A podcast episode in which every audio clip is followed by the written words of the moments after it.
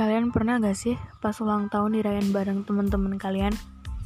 Ya mungkin waktu awalnya temen kalian itu ngajak kalian ke suatu tempat yang mau janjiin buat beli sesuatu lah atau mau ajak kalian buat nonton film horor.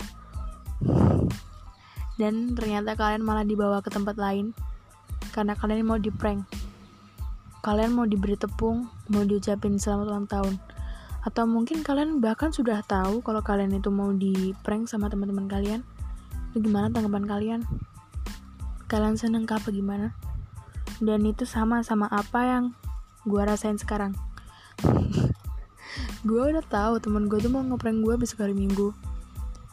Karena ulang tahun gue tanggal 10 Maret. Ya selamat buat teman-teman. Karena kalian tidak jenius membohongi saya